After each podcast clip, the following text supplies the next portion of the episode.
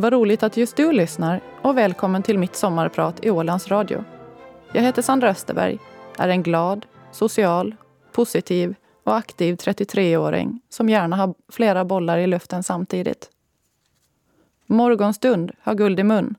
Det stämmer så bra in på hur jag ser på dagarna. Jag älskar att ta vara på dagen och är gärna uppe med tuppen. Så där skulle jag nog beskrivit mig för fyra år sedan innan jag var med om en traumatisk händelse som ändrade mig som person och min syn på livet. Idag ska ni få lyssna till mina innersta tankar. Tankar och känslor som jag inte berättat för så många men som fått mig att måste kämpa lite extra. Ni ska få lyssna till en kortare version av min berättelse om hur det är att bli mamma till extremt prematur tvillingar födda i vecka 26. Men jag ska också ge er en inblick i hur tufft livet efter den svåra tiden varit och vad samhället och de anhöriga runt om den drabbade kan göra för att hjälpa. Jag hade önskat att någon berättat för mig om hela prematurvärlden innan detta hände. Och jag önskar att jag med mitt sommarprat kan hjälpa andra i samma situation. Eller hjälpa dem som kanske kommer att hamna i samma situation som vi gjorde. Att prata om tiden som varit är väldigt jobbigt just nu. Jag har börjat inse vad som faktiskt hänt och får ta tillbaka alla bilder och känslor då orden kommer ur min mun. Men det är också väldigt jobbigt känslomässigt att bara läsa dagböckerna från tiden på sjukhus. Allt kommer över mig som en stor våg och jag kan inte stoppa tårarna. Men idag ska jag försöka ta mig igenom detta sommarprat utan att brista i rösten eller gråta. Jag ser denna stund tillsammans med er som en bit i min bearbetningsprocess. Min uppväxt var väldigt trygg och kärleksfull med en familj bestående av mamma, pappa och två yngre syskon. Vi har bott på en stor fin gård som innehållit allt ett barn önskar med en dörr som stått öppen för nära och kära och med föräldrar som låtit oss testa oss fram i livet. Min trygga uppväxt har jag alltid tänkt mig att mina egna barn ska få. Om jag någonsin skulle kunna få barn. Både min sambo Kenny och jag har båda drömt om att få barn någon gång i framtiden. Men det vi inte visste var att det skulle komma så snabbt. Plötsligt en kväll i augusti 2017 slår drömmen in och jag får plus på graviditetsstickan. Jag och min sambo Kenny hade pratat om barn men fått reda på att vi troligtvis skulle behöva hjälp med att få barn på grund av att min kropp inte fungerade just där och då. Men det var då chock nummer ett kom.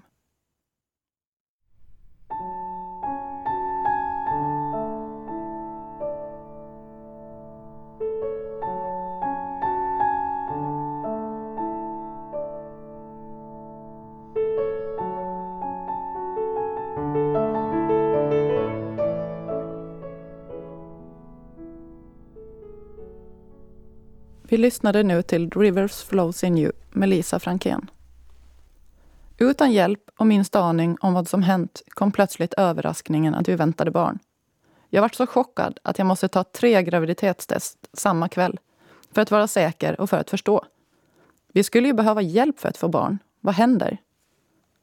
Lyckan, glädjen, nervositeten, fundersamheten och osäkerheten kom smygande. Herregud, vi ska få barn. Veckorna som följde löpte allt på som det brukar med jobb, träning, familj och vänner.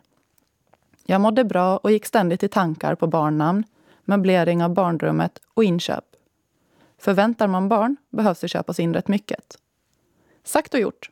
Vi köpte babyskydd, vagn, säng. Ja, vi började planera för vad som komma skall. Ultraljuden såg bra ut på kontrollerna och i vecka 14 flög jag till Åbo, till Tyxen för att göra ett kubbtest. Den dagen glömmer jag aldrig. Nervös över om läkarna skulle hitta några avvikelser på bebisen lade jag mig ner på sängen i undersökningsrummet och tittade på tv-skärmen. En av sköterskorna påbörjade undersökningen och frågade efter en stund vad gynekologen på OHS hade sagt. Där och då trodde jag att barnet var dött eller att de hade hittat flera kromosomavvikelser. Det måste ha tagit en stund för mig att svara för sköterskorna han fråga mig ännu en gång vad gynekologen på OHS hade sagt. Uh, att allt var bra, fick jag fram. Då tittade sköterskorna på varandra och började fnittra. Där och då kom chock nummer två. Det var tvillingar. Tvillingar. Att få ett sådant besked i vecka 14, när man är ensam i Åbo utan Kenny, vart väldigt förvirrande och chockartat. Hur skulle jag berätta det här för honom? Reaktionen från Kenny var också väldigt förvånande. Om jag fick en chock så vet jag inte vad han fick. Jag ringde upp honom direkt då jag kommit ut från undersökningsrummet och berättade vad de hade sagt. Han tystnade då någon minut, blev sedan lite irriterad över att det var tvillingar och svor några välvalda ord innan han gick in i sin egen bubbla några dagar. Han var i chock och det var ingen idé att prata med honom. Jag hann smälta och ta in det hela rätt fort och tittade ofta på ultraljudsbilderna för att förstå. Nu fick vi helt plötsligt köpa ett till babyskydd, en ny säng och en ny vagn. En tvillingvagn. Och inte nog med det, vi måste köpa en ny bil för att få rum med vagnen. Veckorna gick och jag blev väldigt trött. Jag kunde somna var som helst, när som helst. Jag älskade att vara gravid. Jag älskade min mage. Jag trivdes med att gå upp i vikt och såg så fram emot att bli så stor att jag inte kunde klä på mig, knyta skorna eller ens komma upp ur sängen. Jag hade sett fram emot att få göra klart barnens rum innan det kom. Ligga på soffan och äta glass direkt ur förpackningen som bara gravida kan. Och bara gå hem och mysa. Bara gå och vänta på dem. Jag ville verkligen få vara gravid och uppleva allt det alla pratar om. Sparkarna, viktuppgången, verkarna, förlossningen och första tiden hemma med bebisen. Men så vart det inte. En onsdag kväll i februari 2018 kom chock nummer tre. Min värsta och bästa dag i mitt liv. Dagen som tog mitt liv ifrån mig. Ja, för det kändes där och då som att mitt liv förstördes och försvann. Den 7 februari 2018, en onsdag. Jag hade jobbat hela dagen som barnträdgårdslärare och varit i full gång med alla barn på dagis. Jag stannade kvar på jobbet för att vi skulle ha kvällsmöte. Mötet startade klockan 18 och cirka 45 minuter senare kom smärtan som intervaller och kramper. Det gick inte att sitta still och jag vände och vred på mig där jag satt. Kunde det vara magkramper på grund av hunger? När mötet var slut, cirka halv åtta på kvällen, åkte jag via bensinstationen för att tanka. Men måste avbryta den eftersom jag inte kunde stå upp. Jag tog mig hem och lade mig direkt på soffan och googlade. Förverkar. Hur känns det? När kommer de? Min sambo Kenny lugnade mig och sa att jag troligtvis varit igång för mycket under dagen och bara borde vila. Men eftersom verkarna blev starkare och jag längre inte kunde sitta, stå, ligga, gå eller knappt prata så ringde jag till BB som bad mig komma in. Och sen gick allt väldigt fort. Verkarna och smärtan var verkligen på riktigt. Och hur mycket jag än ville vara gravid så slutade min graviditet där i vecka 26. 12 veckor efter att jag fått veta att vi väntade tvillingar. Jourhavande gynekolog Jonas blev inringd och undersökte mig och upptäckte då att jag redan var två centimeter öppen. Och nu var det bara fråga om tid. Jag minns att de satte mig i en rullstol och rullade mig från undersökningsrummet till BB. Och det var då paniken och tårarna strömmade ner från kinden. Jag minns precis vilka kläder jag hade på mig där och då. Vilken sida av mig Kenny och barnmorskan gick på. Och jag kommer ihåg hur många som gick i korridoren då vi kom gåendes. Jag kan fortfarande känna smärtan än idag. Som jag hade i magen då jag satt där i rullstolen. Jag skulle bli tvungen att flyga helikopter till Åbo för att föda där och Kenny skulle troligtvis missa alltihopa. Jag skulle inte längre få vara gravid och uppleva allt det jag drömt om. Vi fick ett rum på BB för att läkare och sköterskor skulle kunna undersöka mig och barnen mera och för att se att allt var okej. Okay. Nu var klockan 21.30 och det enda vi kunde göra var att invänta helikoptern från Åbo som skulle ta mig till Tyxen. Barnen mådde bra, så så länge vattnet inte gick var det bara att vänta. Då Kenny, min sambo, inte skulle få rum i helikoptern med mig utan istället ha nattbåten från Långnäs klockan 03.40 skickade Jonas hem honom för att packa. Hur packar man ens för en, två, tre, fyra, ja kanske fler månader? Han fick även på sig att ringa till våra föräldrar och berätta vad, om vad som var på gång och att vi ses om ett par månader. Kenny var borta mellan klockan 22.30 och 23.30. En timme. Det är den längsta timmen i mitt liv. Man kan säkert tro att det snurrar tankar i huvudet om man fått beskedet att man snart är på väg till Åbo för att föda tvillingar i vecka 26. Men för mig var det helt tomt. Jag kände inte längre någon ledsamhet över att behöva åka iväg. Jag kände ingen oro, besvikelse eller rädsla. Allt var bara tomt. Jag kan ingenting göra eller påverka och det är bara att följa med. Kenny kom tillbaka strax efter halv tolv på natten med händerna fulla av väskor och med ett trött ansikte. Då är ännu allt lugnt. Men plötsligt inser han att mitt moderskapskort ligger kvar i bilen och går ner för att hämta det. Då kommer chock nummer fyra. På dessa fem minuter som han är borta går vattnet. Plötsligt är rummet fullt av sköterskor och läkare som är uppe i mig. De stoppar slangar överallt, klipper upp kläder, trycker på magen, ringer i telefoner och springer ut och in. Det var som en liten myrstack inne i vårt rum helt enkelt. Varifrån kom alla dessa människor? Mitt i allt det här så kommer Kenny in och får veta vad som har hänt. Jag minns att han i princip ramlade ner i en fåtölj och vart kritvit i ansiktet. Och jag sa åt någon sköterska att jag måste ta hand om honom nu. Läkaren Jonas gick fram och tillbaka i rummet med telefonen i handen.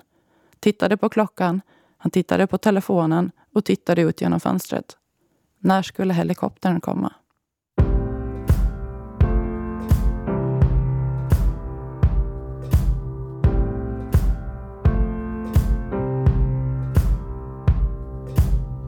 Guess it's true I'm not good at a one night stand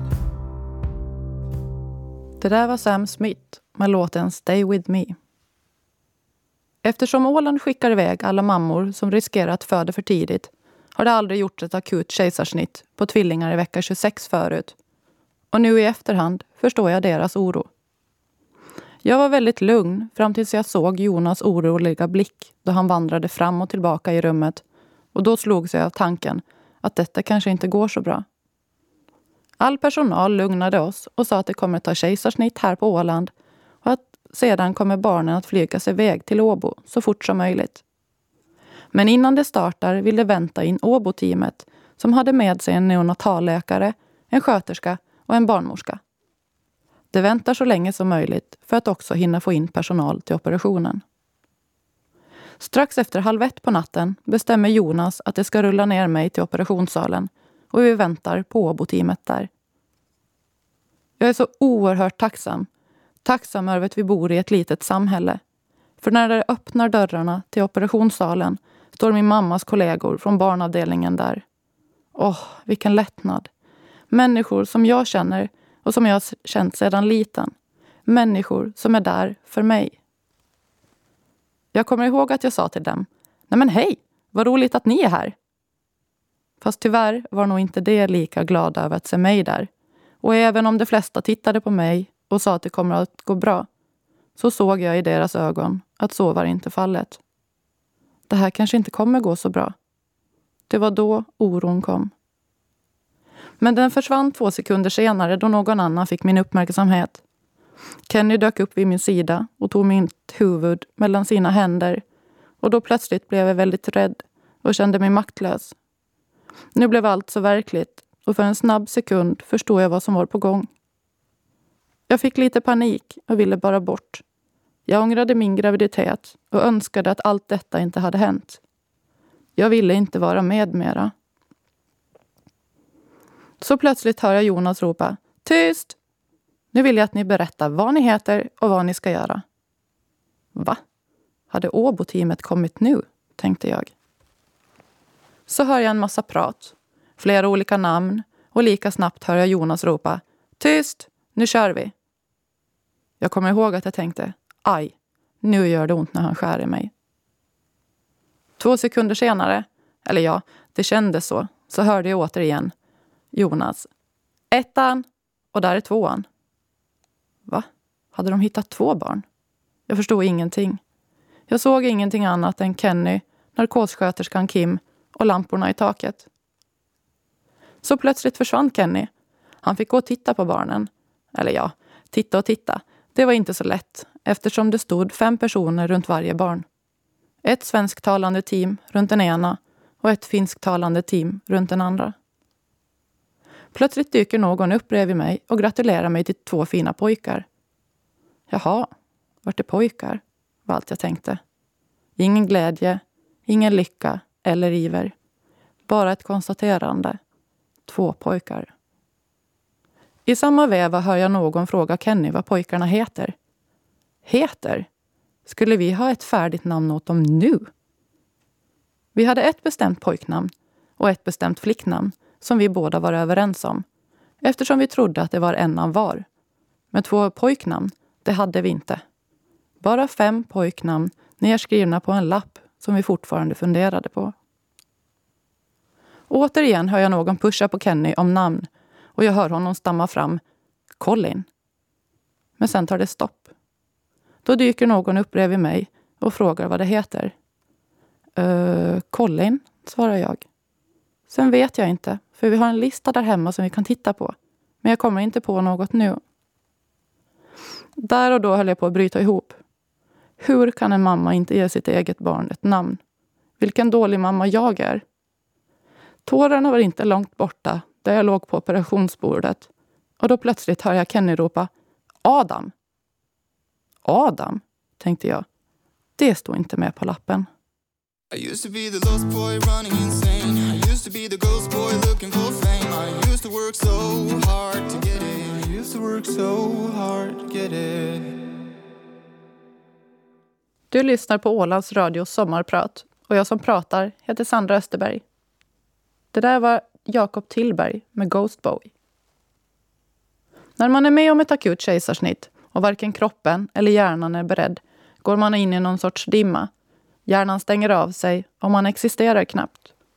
Min kropp hade gått från att vara gravid i vecka 26, bara någon timme tidigare, till att nu måste ställa om sig på att agera mamma, producera mjölk, leka ihop snittet och återställa sig till så kallad normalkropp igen. Och min hjärna, den måste börja jobba med tanken på att jag blivit mamma. Under operationen var det 21 läkare och sköterskor i rummet, plus mig och Kenny. 21 stycken. Jag såg dem inte, men jag hörde dem. Utan Kenny och narkossköterskan Kim vid min sida skulle jag aldrig klarat kejsarsnittet. Och inte utan de andra 20 stycken heller, som gjorde ett så fantastiskt jobb där inne. Tänk att det fungerar så här bra på Åland. Från att det var två sköterskor inne på BB då vi kom in till att någon timme senare har fått in 21 stycken underbara människor som lämnade allt de hade den kvällen och kom in för att hjälpa oss. Jag vill bara rikta ett stort, stort tack till alla er som var där inne den kvällen. Några av er vet jag vem är, men till er andra som jag inte har träffat, tack för allt ni gjorde. 8 februari 2018 klockan 01.24 föddes Colin, 35 centimeter lång och 805 gram tung. Och en minut senare, klockan 01.25, föddes Adam, 35 centimeter lång och 875 gram tung. 805 gram. Då är man inte stor. Jag brukar förklara att deras huvuden var som en mindre mandarin. Deras lår mindre än en knackkorv och längdmässigt var det som en linjal. Då de greppade mitt lillfinger var det knappt så att deras fingrar räckte runt. Ni förstår, det var ingen babys. Det var en varelse. Föder man prematurbarn så ska det helst inte flyttas på eftersom varje liten flytt, rörelse eller lyft tar så pass mycket på deras små kroppar. Och när jag säger så, så förstår ni säkert att det inte var helt optimalt för våra barn att födas här på Åland. Dels för att det inte finns någon vård för en extrem prematur en längre tid, men också för att det behöver komma till experterna som kan hjälpa dem. Medan jag låg på uppvaket flögs Colin iväg med Superpuman till Åbo, så jag hann aldrig se honom. Och då jag sedan fick träffa Adam en snabbsväng innan han flögs iväg kände jag ingenting. Det rullade in mig i min säng så att jag låg bredvid hans säng. Nu låg jag där bredvid mitt barn och borde egentligen känna massor. Kärlek, glädje, lättnad och lycka. Men jag kände ingenting. Jag förstod inte att jag fått barn. Hade inte förstått vad som hade hänt och jag såg alla sköterskor och läkare i rummet, men jag hörde dem inte. Allt var bara tomt. Nu i efterhand så förstår jag att jag var i chock. Klockan sju på torsdagsmorgonen den 8 februari rullade det in mig på vårt rum på BB. Kenny låg redan där och sov och jag somnade direkt.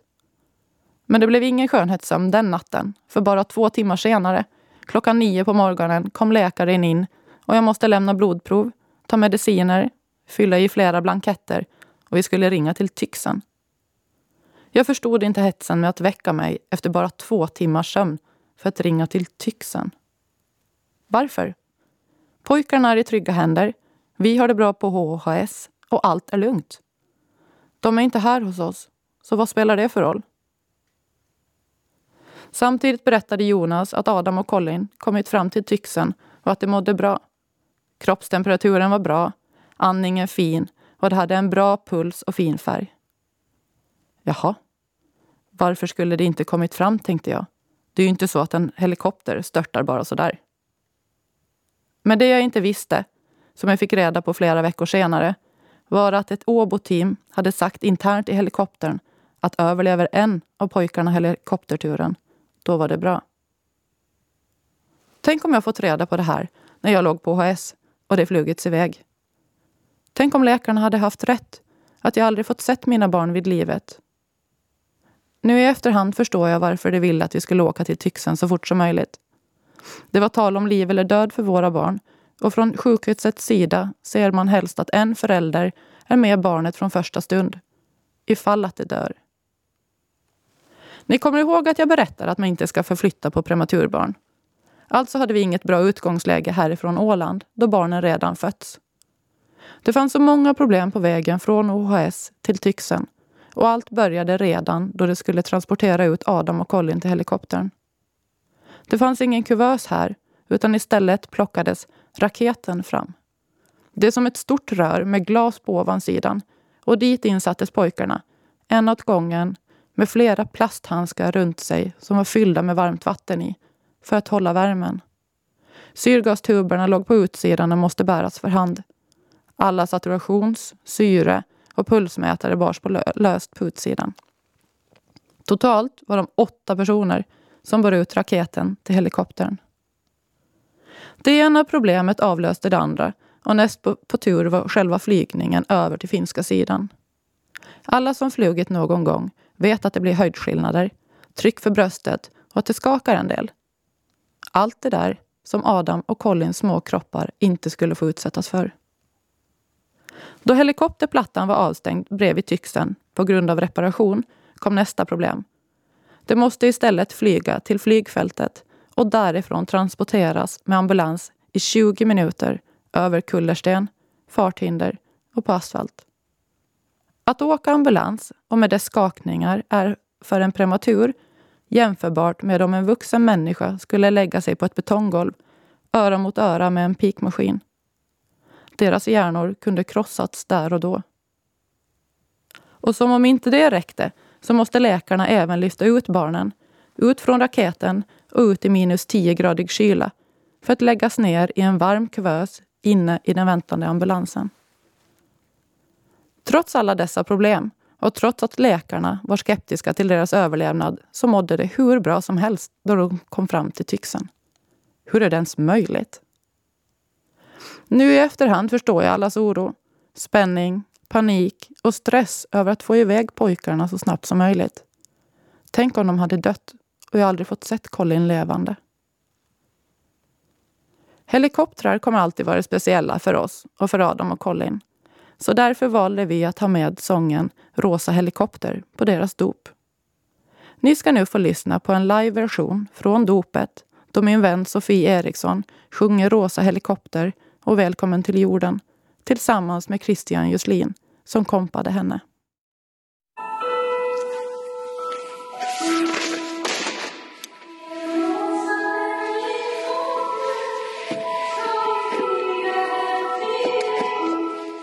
Adam och Colin flög som sagt till Åbo direkt efter kejsarsnittet den 8 februari medan jag och Kenny stannade kvar på OHS i tre dygn på grund av mitt snitt. Tre dygn ifrån sina nyfödda barn är säkert en mardröm för de flesta föräldrar.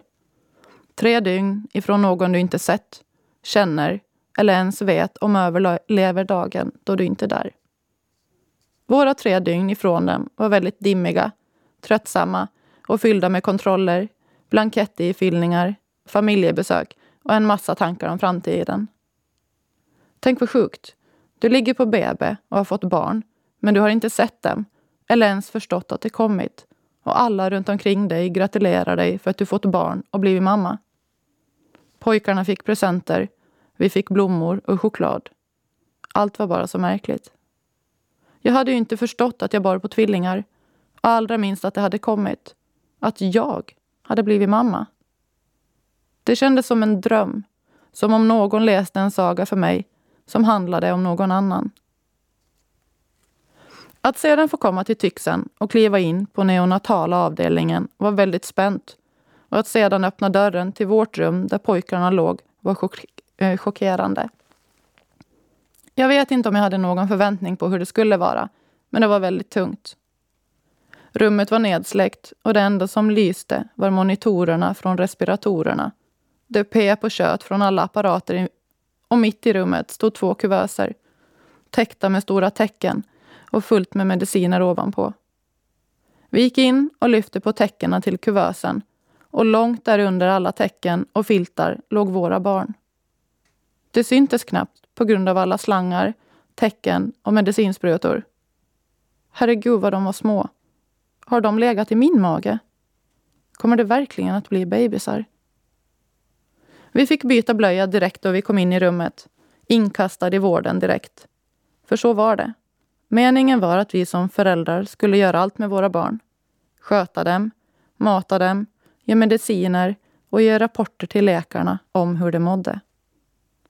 Jag brukar skoja och säga att både jag och Kenny skulle kunna extra knäcka som sjuksköterskor efter den tiden på Tyxen. För så insatta vart vi. Känslan av att byta blöja på en så liten varelse, eller ja, det var ju mitt barn, var skrämmande, obehagligt och känslokallt. Jag ville egentligen inte byta den där blöjan, för det kändes så fel. Jag hade föreställt mig att första blöjbytet skulle vara ren glädje av att se sin bebis. Inte att det skulle vara känslokallt, skräckinjagande och chockartat. Det var ingen bebis, utan en varelse som du i princip såg igenom. Där huden var så tunn så ett hastigt, okontrollerat byte av EKG kunde riva sönder huden på dem. Nu ska ni få lyssna till en av mina favoritlåtar som jag haft ända sedan jag var liten. Det är Brian Adams låt Everything I do, I do it for you.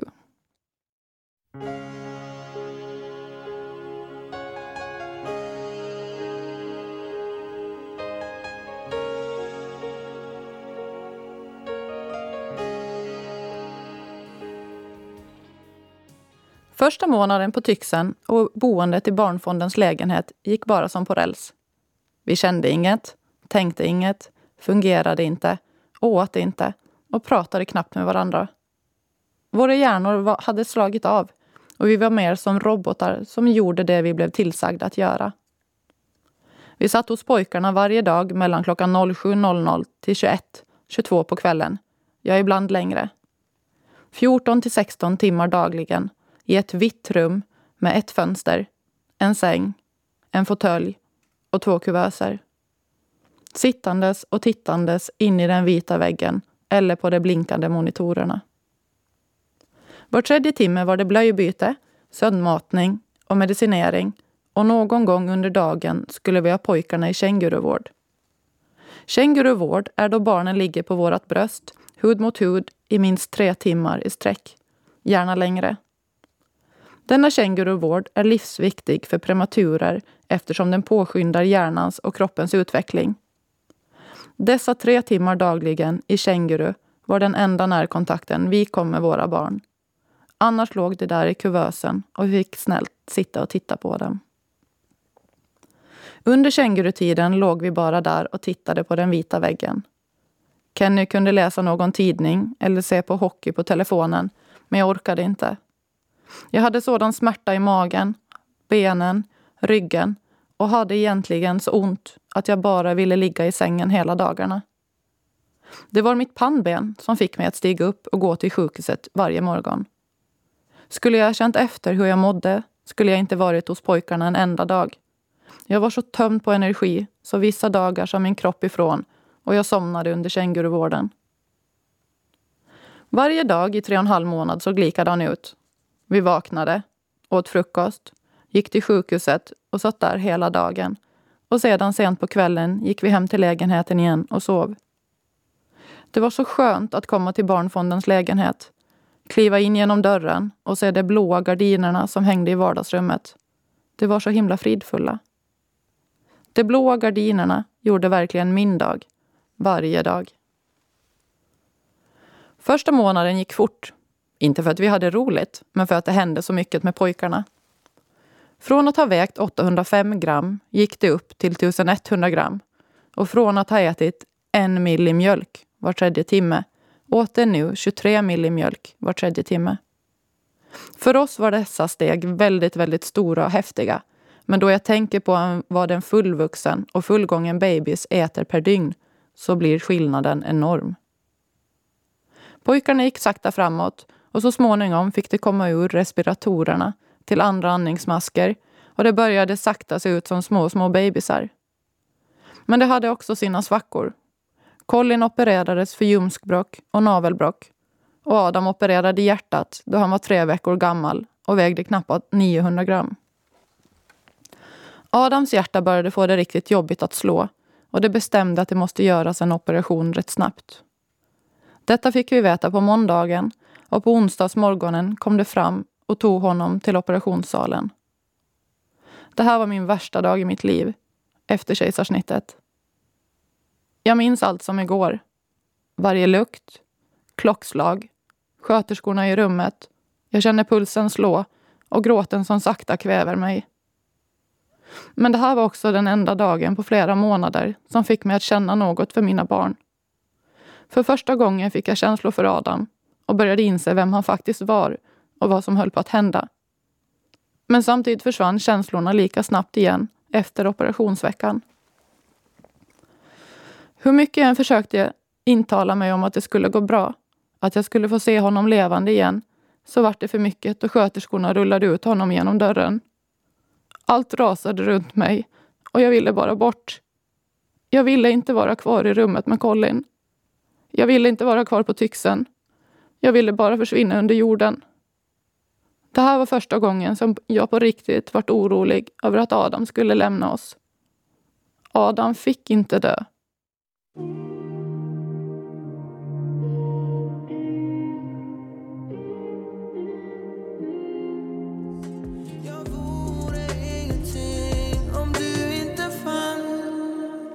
Du lyssnar på Ålands Radio Sommarprat och jag som pratar heter Sandra Österberg. Vi hörde precis Du måste finnas med New Kid. Uppvaket efter en sådan hjärtoperation kunde ta mellan tre timmar till tre dygn. Och under den första veckan efter operationen måste Adam ligga kvar i operationssalen för kontroll och uppsikt. Under den här veckan ville jag inte veta av honom. Det var för jobbigt att ens tänka tanken på hur han mådde, hur han såg ut eller vad som kunde hända. Och jag jag vet att det är väldigt starka ord av mig att säga att jag inte ville veta av honom. Men det var precis så jag kände. Och det var känslor som jag inte kunde styra över. Nu idag förstår jag att jag inte mådde bra där och då. Och jag skulle aldrig säga så idag. Operationen gick väldigt bra. Men efter två dygn kollapsade Adam ihop. Hans högra lunga hade förflyttat sig till den vänstra.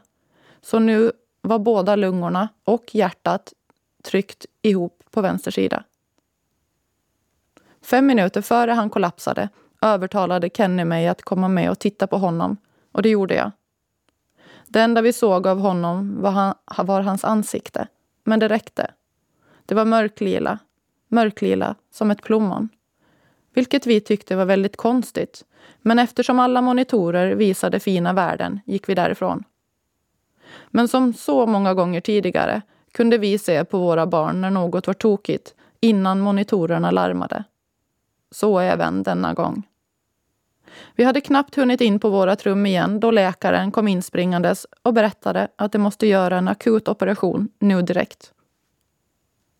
Tio sekunder från att världen hade varit någorlunda lugn och trygg till att allt raserades igen. Tio sekunder. Skulle Adam dö denna gång? Vår värld var som en vulkan med utbrott. Du visste dygnet runt att det bubblade med risker, men du visste aldrig när utbrottet kom. När monitorerna skulle skjuta, barnen bli blå och läkarna skulle komma inrusande i rummet. För det hände. Flera gånger per dygn. Ja, Adam, han var på väg att lämna oss flera gånger. Och en av de gångerna låg han i Kennys famn då läkarna fick pumpa igång honom för hand. Men mitt i allt det här så slutar du att bry dig. Du slutar reflektera över hur många gånger ditt barn slutar andas eller behöver akut läkarvård. Det blir din vardag och hjärnan trycker bort allt runt omkring. Jag är så oerhört, oerhört tacksam för att vi fick komma till Tyxen och till alla underbara sköterskor och läkare på neonatala avdelningen. De gör ett fantastiskt jobb med alla små liv som finns där. Men det är också sådana fina psykologer, familjemedlemmar, vänner och tryggheter till oss föräldrar. Det finns verkligen där för hela familjen. Stöttar när det behöver, men också pushar oss som föräldrar till att våga lämna sjukhuset någon timme. Varje månad då pojkarna fyllde jämnt så firades det med sång, fina kort och även tårta. Alla dessa fina sånger, dikter och bilder vi fått har vi sparat och hängt upp i pojkarnas rum. En dikt som de fick på sin en månaders dag sitter djupt inne i mig och varje gång jag läser den kommer tårarna. Den är bara så rätt. Ni ska nu få lyssna till den dikten. Dessa barn har gjort entré så att det riktigt känns. Det har väckt så mycket ömhet och kärlek utan gräns. Dessa barn är hopp och glädje i en mycket liten kropp. Det är början på ett liv med ett oskrivet förlopp. Dessa barn är tro och tillit och fullt av möjligheter. Helt underbara mirakel i varje centimeter. Vi har tackat personalen på neonatala avdelningen tusen gånger om. Vi har skickat kort och presenter, mejlat dem och på alla sätt visat vår tacksamhet. Men det räcker inte. De har räddat livet på våra barn och det är vi evigt tacksamma för.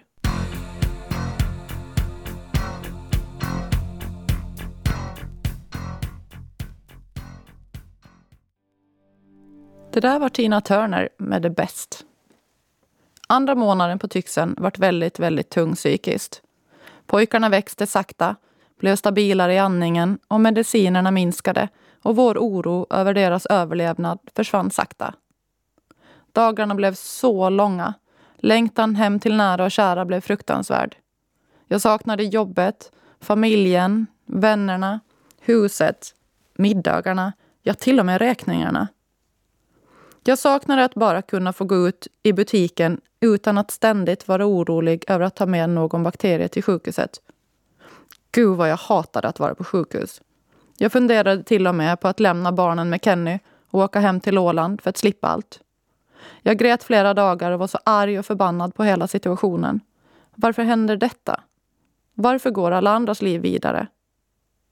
Varje gång jag var in på sociala medier och såg vad alla andra gjorde så högg det i mitt hjärta. Jag vart både arg och ledsen att jag inte fick eller kunde göra samma sak. Efter två och en halv månad på Tyxen fick vi äntligen komma hem till Åland igen med fortsatt vård på OHS i fyra veckor. All vård som våra pojkar fått på OHS har fungerat bra och personalen gör sitt bästa för att hjälpa barnen, stötta oss föräldrar på sjukhuset men även för att förbereda oss inför tiden hemma. Det är tungt att vara instängd i ett rum i tre och en halv månaders tid utan familj och vänner. Eller en möjlighet till att få andas frisk luft utan att hjärta klappar i ren panik.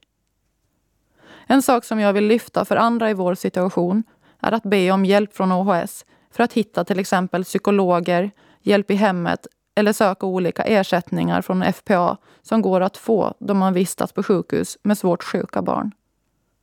Vi visste inte vad vi hade rätt till eller vilka instanser vi skulle kunna höra av oss till för att få hjälp. Då det inte heller var någon som berättade detta för oss fick jag söka upp allting själv. Mitt i allt kaos och mitt i mina barns överlevnad. Orken fanns inte där till sådant och istället för att leta upp och be om hjälp så lämnades det åt sidan.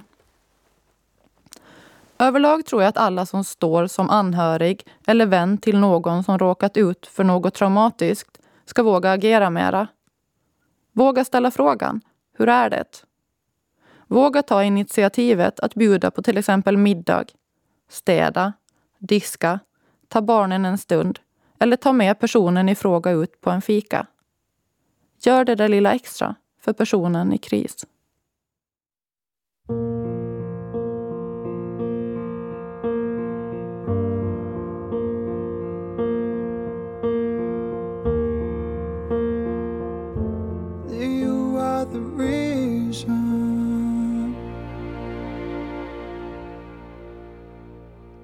Det där var Callum Scott med You are the reason. Att få lämna sjukhusvärlden var underbart, men också skrämmande. Hur skulle vi klara av att ta hand om barnen utan läkare runt omkring oss? Tänk om de slutar andas och inte kommer tillbaka? Hur ska vi kunna övervaka dem dygnet runt? Samtidigt kändes allt så självklart och naturligt. Vi skulle fortsätta på samma sätt. Väga dem före och efter amning sondmata om det behövdes, kolla andningen, fortsätta ge protein och fortsätta att ha Adam uppkopplad nattetid och så vidare. Allt var precis likadant, förutom att de vita rockarna inte skulle stå vid vår sida. Under Tyxen-tiden donerade jag bröstmjölk till sjukhuset för att jag hade så mycket mjölk så det räckte och blev över. Att donera mjölk till andra små prematurer var självklart för mig och för detta fick jag 17 euro per litern Totalt 180 euro fick jag betalt. Men det var också det enda vi fick i inkomstväg under alla dessa månader. Det var också orsaken till varför Kenny måste gå på jobb direkt då vi kom till OHS. Och jag skulle nu klara mig helt själv, tio timmar dagligen. Helt ensam med alla rutiner kring pojkarna samtidigt som jag skulle försöka pumpa, äta och vila mellan varven. När skulle jag ha tid att andas och börja bearbeta allt som hänt? Vi hade mycket specialsaker vi måste göra med barnen dagligen för att underlätta för dem. Eftersom pojkarna var så små och deras kroppar inte fullt utvecklade så måste deras muskler tränas upp. Vilket betydde att vi måste träna med dem flera gånger dagligen genom olika övningar vi fått av fysioterapeuten. Vid varje blöjbyte och varje gång vi lyfte upp dem måste vi göra på ett speciellt sätt. Det var inte bara att ta dem som vanliga barn. Bröstmjölken skulle värmas över vattenbad, vilket tog tid. Och som prematur spydde pojkarna upp all mjölk. Så då var det bara att börja om från början med att väga dem och sedan påbörja matningen igen. Alla dessa små extra saker med dem tog sådan tid. Jag kände ofta, och känner än idag, att jag inte räcker till. Då jag eller Kenny är ensamma med pojkarna så kommer vi alltid bara att vara en. Och det är alltid två. Och jag kommer alltid känna mig otillräcklig i min roll som mamma. Var det psykiskt tungt på sjukhuset så var det ingenting mot hur tiden hemma blev. När veckorna försvann och rutinerna kring barnen stabiliserats hemma kom också tröttheten och tankarna. All tid i ensamhet vart droppen. Orken, lusten, den lilla glädjen jag hade och hoppet försvann. Jag var aldrig glad, pigg eller positiv. Mina tankar och känslor var väldigt starka och hemska. Jag hatade livet. Jag hatade pojkarna och önskade dagligen att det skulle dött så att jag skulle få tillbaka mitt gamla liv. Nu började allt som hänt sakta smälta in och tanken på att det faktiskt hänt krypa närmare mitt medvetande.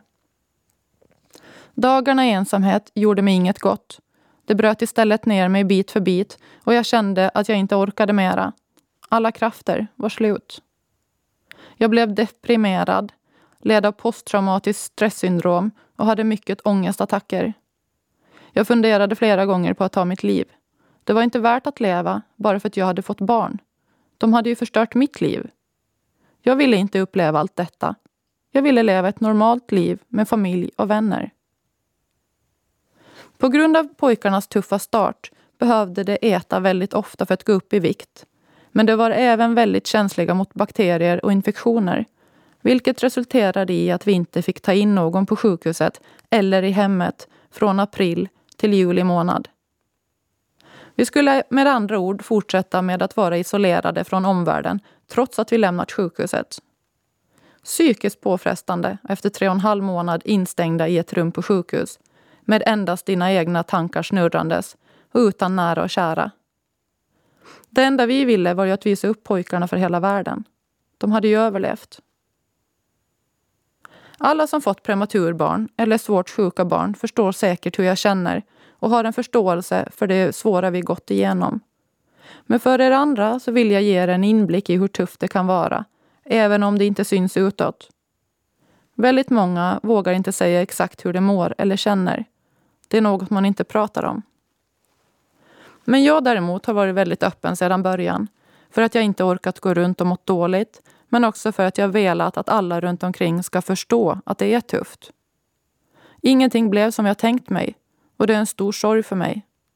En sorg att inte få vara gravid fullt ut, känna sparkarna, uppleva förlossningen och få första tiden tillsammans med Kenny, både på BB och i hemmet. För er som kommer att hamna i samma situation som vi varit i så vill jag ge er lite extra tankar på vägen. Ge aldrig upp, utan ta en dag i taget. Jag tar en minut i taget, både för er själva men även för barnen. Var egoistiska och tänk på er själva som föräldrar. Ni kanske reder ut tiden på sjukhuset men ni ska fungera som människor även när ni lämnat sjukhuset. Våga ta er egen tid utanför sjukhusväggarna och gör sådant som ni tycker om. Våga berätta vad du känner och be om hjälp. Det betyder inte att du är svag om du ber om hjälp, utan det är att vara stark. Var inte rädda för att hamna till Åbo. Det är världsledande inom prematurvården och du får all vård på svenska om du så önskar. Det finns ingenting negativt med tyxen. Hela den här resan har gjort mig starkare, både psykiskt och fysiskt och jag har börjat inse vad som är viktigt i livet. Och därför tycker jag att den här låten är väldigt passande. Jag är starkare än du tror Och när livet trycker ner mig ska jag alltid stå emot Det där var Starkare av Miss Li. Nu har det gått tre och ett halvt år sedan den kvällen i februari som förändrade mitt liv på så många olika sätt.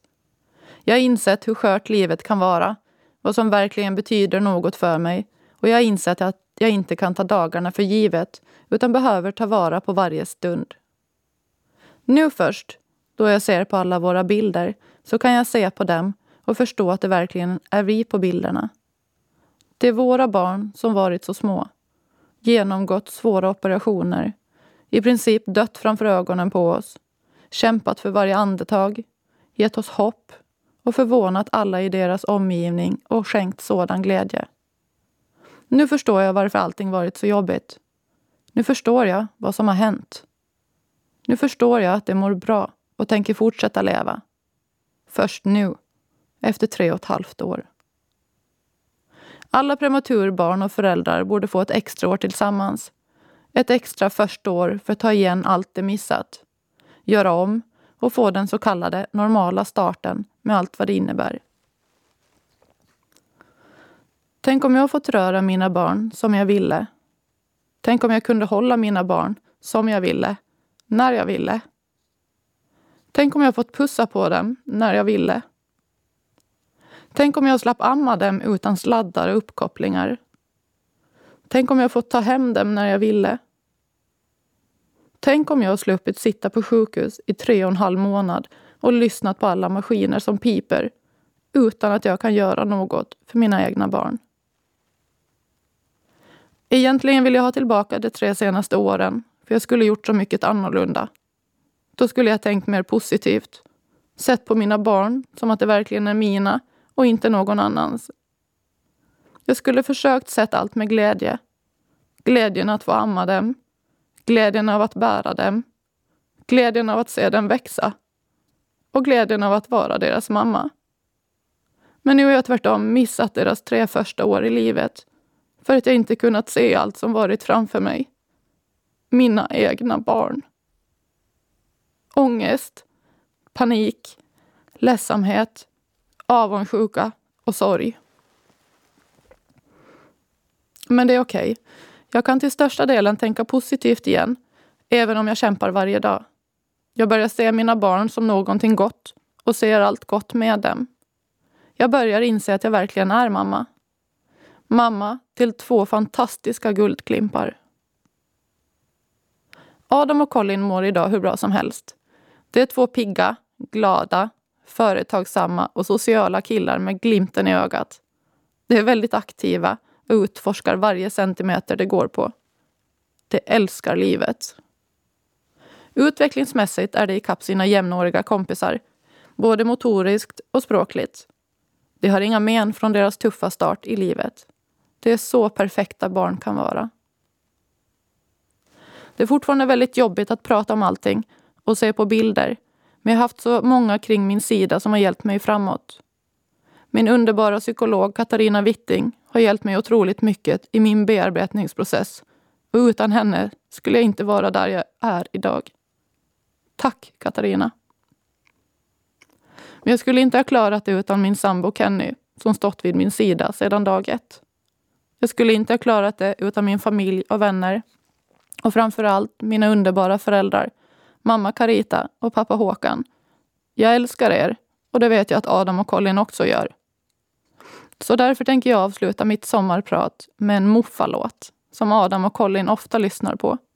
Have you ever seen the rain med Creedence?